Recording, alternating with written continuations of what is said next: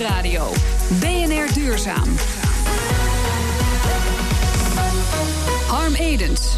Als we oude gebouwen gaan hergebruiken, dan moet het energiegebruik drastisch omlaag. Of beter nog, ze moeten energie gaan opleveren. En dat kan op heel veel verschillende manieren. Letterlijk energie, die bijvoorbeeld teruggeleverd kan worden aan het net, maar ook positieve leefenergie voor de gebruikers van die gebouwen. Samen met platform De Nieuwe Draai, waar ze alles weten van leefbare omgevingen, kiezen wij de beste energieopwekker van de maand. Het is weer zo laat. Xander Meijer en Joop de Boer ze zijn hier van de Nieuwe Draai. Met een enorme glimlach, want je wordt bijna vader. Ja, bijna ja. is dat uitstoot technisch wel verantwoord? Ik moet, dat, moet, dat moet lukken, ja. Dat Eentje lukken. erbij. Ja. Het is dubbele uitstoot. Maar daar gaan we het niet over hebben.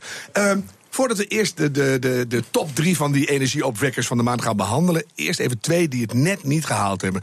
Xander, ik begin met jou. Erfdelen. Dat is het duurzaamste kooperf van Nederland. Wat moet ik me daarbij voorstellen? Een soort eh, hipster koopgroot? Nou, niet helemaal. Ehm, Pieter Parmentier is hier de bedenker van. Het gaat over die massale sluiting van boerderijen op het platteland. Vijf per dag heb ik me laten vertellen. Dat is dus heel wat. En om nou te zorgen dat niet iedereen daar in eenzaamheid eh, verkeert op het platteland, heeft hij een nieuwe vorm ontdekt van samenwonen. En eh, die wil hij gaan uitvoeren. Dat komt er eigenlijk op neer dat er vijf kleinschalige energieopwekkende woningen rondom een erf ontstaan. En de boerderij dan wordt gebruikt als een soort gemeenschappelijke ruimte waar iedereen kan wassen en andere dingen samen kan doen. En hij heeft als eh, streven daarin gezegd van, joh, weet je, dit wordt het meest gezellige en duurzaamste erfdeel van Nederland. En er worden dan nieuwe huizen bijgebouwd? Of gaat het in de oude bijgebouwen? Nou, beide. Dus de, de, de, de ruimtes daaromheen worden omgezet in woningen waar dan oudere mensen kunnen wonen. En eigenlijk nog een eh, heel leven, hele toekomstgerichte, eh, vitale tijd tegemoet gaan in zo'n leefgemeenschap. En daarmee maak je eigenlijk het platteland vitaler. En heb je een, eh, een leuke gemeenschap eh, van mensen die bij elkaar zitten. Ja, anti-krimp en mooie mengvormen. Har- echt heel, heel modern. Alleen ik dacht, als je te veel om die oude boerderijen heen gaat bouwen... dan verpest je weer een mooi oud landschap. Dat, dat kan natuurlijk weer niet, of wel? Nou, ik geloof dat deze mensen ook juist het streven hebben om dat landschap juist intact te houden en daar dat verder te versterken. Dus dat is helemaal mooi. Als jij het zegt, dan geloof ik het ook. Vind ik mooi. Eh Jo, Ja. nu ook de Paralympics voorbij zijn... kan het recyclen in Rio hopelijk gaan beginnen. Want in Athene, en dat is pas twaalf jaar geleden... dan groeien ja. de bomen alweer dwars door de zwembaden heen. Wat gaan ze doen in Rio? Nee, klopt. Dus die Paralympics eh, gisteravond afgesloten. En eh, eh, wat dat betreft volgens mij nu heel mooi actueel. Ehm, in Rio hebben ze het anders gedaan. Dat kost natuurlijk altijd enorm veel geld om zo'n Olympische Spelen te organiseren. Het meeste daarvan is het bouwen van die enorme grote stadions. Nou ja, bouw een kerk niet voor kerstmis. Geld, hetzelfde geldt voor deze Olympische stadions. Hebben ze maar drie weken nodig. En eh, ze zijn veel te groot voor wat je daarna ermee wil doen. Het extreemste voorbeeld was het WK voetbal in Zuid-Afrika. Daar is een stadion gebouwd van weet ik hoeveel miljoen voor één wedstrijd. Ja, nou, zonde. Dat kan iedereen bedenken. Nou, wat hebben ze nu bedacht? Heel, heel leuk. Ehm, het handbalstadion bijvoorbeeld. De handbalarena daar, ehm, daar in Rio. Die wordt nu opgedeeld in vier, ehm, vier basisscholen. Dus vanuit het materiaal, vanuit de spullen. En dat hebben ze vooraf zo bedacht. En dat, dat, is- dat is het slimme hier. Ja, dat is mooi. Hoeveel procent van de hele Olympische infrastructuur wordt gerecycled, weet je dat? Ik weet niet hoeveel procent dat is, maar ze hebben daar een, een, een vrij uitgebreidere strategie. die ook ermee te maken heeft dat ze natuurlijk al het WK hadden. En dus ze hebben dat al slimmer geïncorporeerd in een grotere strategie. Maar wat ze bijvoorbeeld ook gedaan hebben, dat is ook wel leuk, is het zwemstadion. Ja, Eén groot 50 meter bad. Nou ja, dat houdt natuurlijk niemand vol als je gewoon daar je, je baantje zwemt 50 meter. Eh, Normale mensen willen een 25 meter bad. Dus dat ene zwembad zijn eigenlijk twee zwembaden gewoon voor in de buurt. Waar mensen gewoon normaal eh, in hun dagelijks leven gebruik van kunnen maken. Tussenwandje erin. Precies, Klaar. heel simpel. Jeetje, moet het eigenlijk, dacht ik, niet gewoon strafbaar zijn om dit soort gigantische complexen voor eenmalig gebruik niet 100% cyclisch te ontwerpen? Dat, dat kan dat, toch niet? dat zou strafbaar moeten zijn. Nou, Maar het, het leuke is, op deze manier zijn die Olympische Spelen dus ook veel goedkoper. Gaat, gaat het Olympisch Comité ook naartoe. Dat eh, bids moeten hier eh, in de toekomst aan gaan voldoen. En dan wordt het ook weer mogelijk voor eh, landen zoals wij, die er altijd twijfelen, of, om dat een keer te doen. Ik dacht nog erger. Nog, nog erger Je landen. nog ergere landen Oh, heb je. Die kunnen dan ook weer eens meedoen. Goed, we gaan naar de drie energieopwekkers van de maand. Nummer drie is net zo voor de hand liggend als dat er een heleboel nieuwe jasjes voor zijn, Xander. Kom maar op met die nieuwe jasjes. Ja, ehm, nieuwe jasjes. Ja, want het gaat toch over eh, bewegen op het werk? Zo is dat. Ja, is dus dat denk, nou, die heb ik eerder gehoord. Ja. goed. Ja. Het is nou zo'n sportieve energieopwekker. En we weten allemaal dat bewegen gezond is en dat je daar eh, fitter van wordt. Nou, nu is het zo dat als je dat eh, tijdens het werk doet... en het afwisselt dus werken met bewegen... dat je productiviteit stijgt. Wel tot 23 procent heb ik me laten vertellen. En je kan er iets bij voorstellen, want als je de hele tijd eh, met je kopie bezig bent, dan is het goed om na een uurtje even wat te bewegen. Het punt is, bedrijven, elke organisatie zou eigenlijk daar rekening mee moeten houden met zijn kantoorinrichting en zorgen dat er meer bewegen. Maar dan hoor ik dat al heel lang, Sander. En ik denk, gaat het nou echt lukken? Want uh, die hebben een stabureau of een klein loopje tijdens de lunch en verder niet. Want dan ga je zweten en dan ga je stinken. En dat doe je niet op je werk. Um, nee, dat stinken niet, denk ik. Maar wat wel, wat wel heel makkelijk is, in elk gebouw zit een trappenhuis dat trappenhuis kan je gewoon gebruiken. En als je dat uh, meer gebruikt, dan word je gewoon fitter. En een heel leuk voorbeeld van One Voetbalbox in uh, Hamburg. Die hebben van hun gangen eigenlijk een driebaanse atletiekbaan gemaakt. Waar je door het hele gebouw kan rennen. Ja, je ziet voor je. Kan je bij jullie op de site zien, hè? Het zijn echt prachtige je, foto's. Je, je ziet een Olympisch stadion ja. in het trappenhuis. Ja. Nummer twee, Joop, gaat uh, naar een plek waar razendsnel duurzaamheid opkomt. Overal waar je kijkt de school. Welke ja, specifieke school gaat het hier om? Uh, het oosten van het land, scholengemeenschap Delta. Uh, hebben meerdere scholen, nou, bijvoorbeeld uh, in, in Groenlo. Um, Zo'n regionaam, Nije Veste of zo. Um, en, um, je spreekt het uit alsof, het, ja, het, alsof ik uit het oosten kom. Hè? Ja, ik ja. kom uit het noorden. Ja, het noorden. Dan kun je het ook wel een beetje bij jong, toch? Ja, een beetje... Naar je vesten. goed, laten we het daarbij houden. Um, nee, wat, wat, wat interessant hebben gedaan, ze hebben, daar, um, ze hebben daar zonnepanelen op het dak gelegd. Nou, dat is op zich natuurlijk heel erg interessant. Mm -hmm. Maar ze hebben dat gekoppeld aan een heel educatieprogramma voor die kinderen. Dus die kunnen nu op een monitor in de gang zien hoeveel energie er opgewekt wordt, hoeveel eruit gaat. En dat zorgt er ook voor dat ze um, ja, zich daar ja, dat leren kennen, daar, daar zich bewust van raken. Ja. Um, nog een ander ding gedaan, even om eruit te lichten. Een capsule gemaakt, allemaal duurzame ideeën van die kinderen in die capsule begraven op het schoolplein. Over 15 jaar worden al die kinderen weer opnieuw op school uitgenodigd. En dan kijken ze wat er van gekomen is. Wij gaan het echt bijhouden, hè? want ik geloof dat soort dingen nooit. Maar dit, capsule blijft altijd zitten. Ja. En dan de gebouwgerelateerde energieopwekker van de maand. Xander, zeg het maar. Ja, dat is glansrijk geworden. Quick It, of het is Quick It. Um, dat gaat over hoe gezond is je gebouw. Nou is het zo dat er een onderzoek heeft dat ook uitgewezen... dat bijna 70% van de mensen een kantoorgebouw van binnen eigenlijk als ongezond ervaart. Dat is nogal wat. Bij scholen is het nog hoger. Dus ik vind ook eigenlijk dat elke HR-manager of directeur van een organisatie nu moet opletten naar deze uitvinding. Let op, want we kijken even naar de andere kant. En hoe is het mogelijk? Nou, wat een stom toeval. Hier hebben Paul Stomp en Rino Stevens van QuickSense met QuickIt. Klopt. Heren, uh, QuickIt, sensoren, computers, snuffelneuzen. Hoe, hoe meet je hoe sick een building is? Hoe sick een building is? Uh, nou ja, in principe, hoe sick een building is, is niet, niet zo direct te meten. Maar uh, we hebben het dan eigenlijk veel meer over uh, wat, wat dan binnenluchtkwaliteit is. Dus dat is uh, CO2, temperatuur, luchtvochtigheid. Uh, daar hebben mensen gewoon last van. Ja, ik kan me voorstellen dat vrouwen vinden het niet lekker om in een koud kantoor te zitten. En, en mannen hebben het toch al vaak te warm. Ja, ik heb het altijd te warm. Bij, bij de omroep bijvoorbeeld, al die monitoren, al die beeldbuizen... loopt iedereen de hele jaar in, in zwemkleding ongeveer. Je hebt van gekkigheid niet wat je aan moet. En dan, data verzamelen is één ding. Wat doe je er dan mee? Ja, de, de, die data is eigenlijk heel erg belangrijk om iets te kunnen zeggen over de prestatie van een werkplek. Dus wij, wij meten ook op de, de werkplek.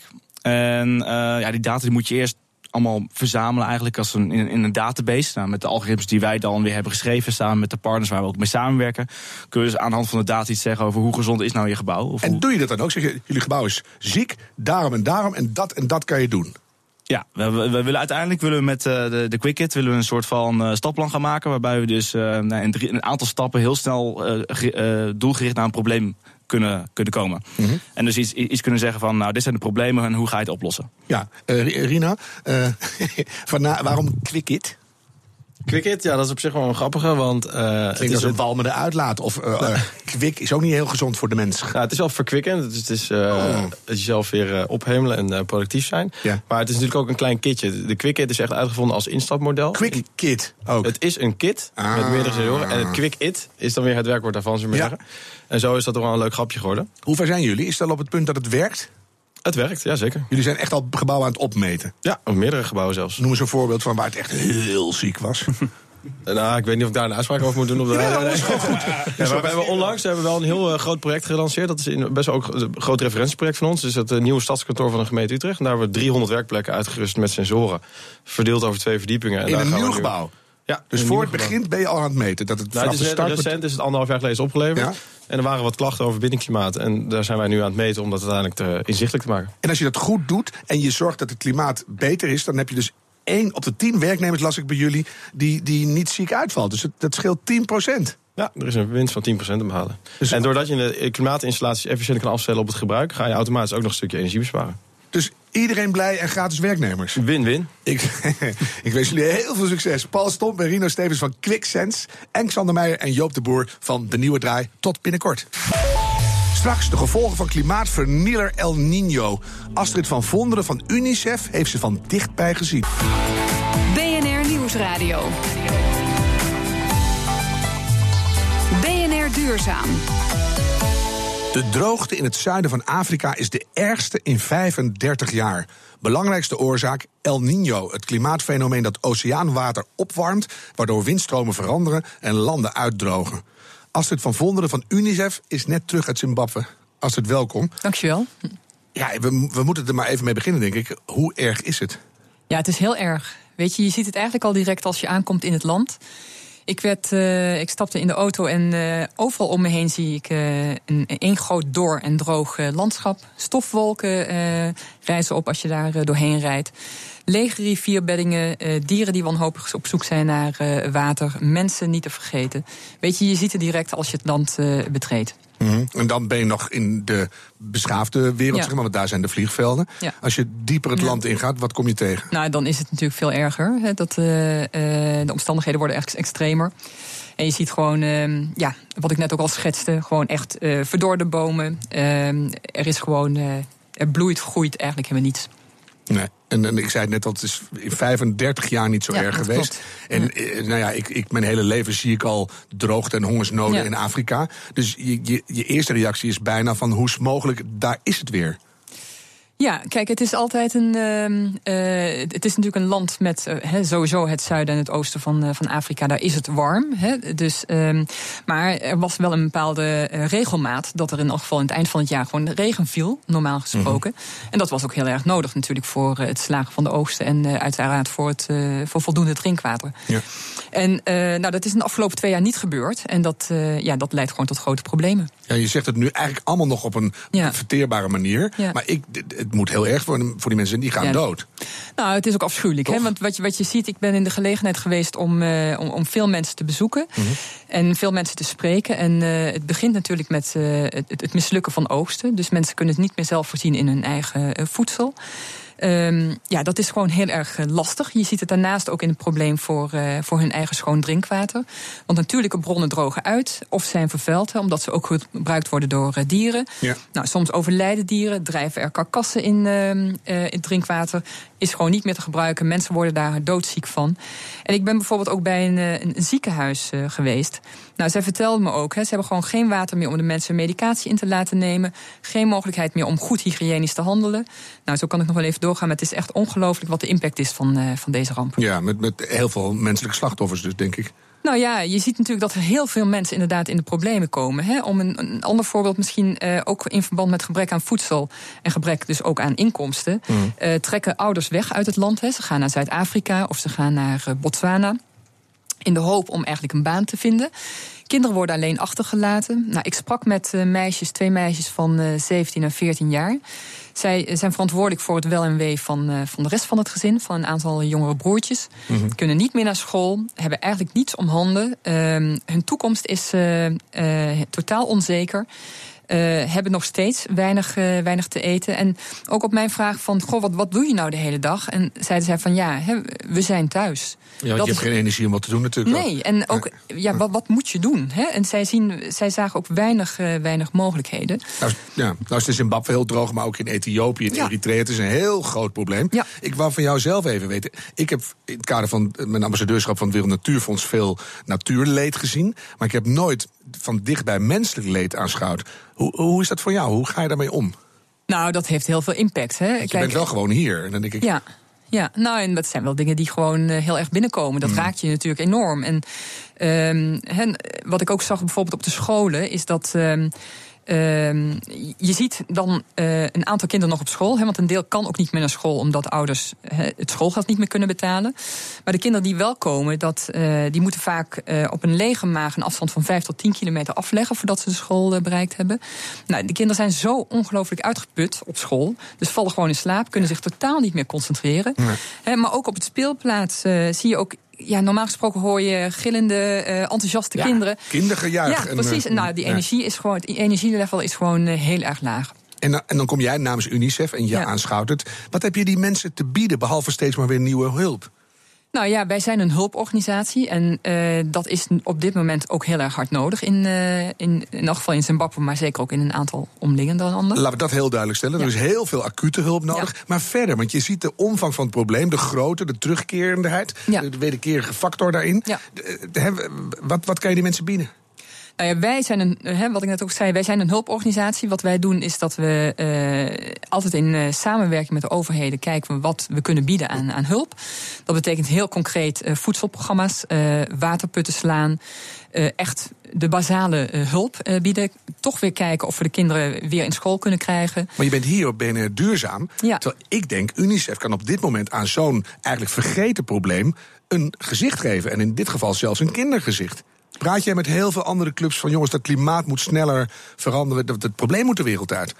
Nou, het probleem moet zeker de wereld uit. Alleen is het wel, wij staan opgeleid voor, uh, om hulp te bieden hè, in deze, dit soort uh, type uh, nou, in deze omstandigheden. Mm-hmm.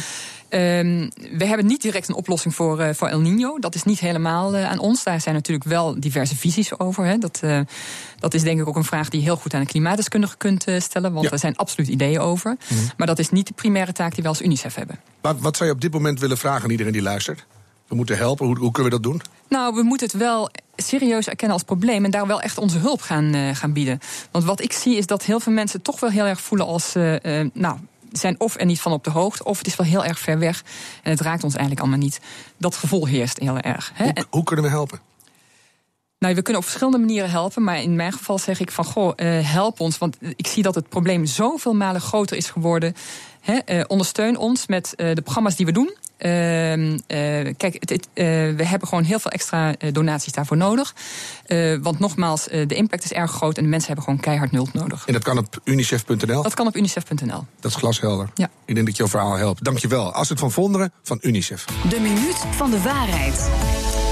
Het zit Tesla even niet zo mee. Bij verschillende ongelukken wordt de autopilot-functie als oorzaak genoemd. Maar de collega's van de NOS brachten deze week een artikel met als titel: Tesla's autopilot is veiliger dan de gemiddelde bestuurder. Maar klopt dat? André van Arnhem ging het checken.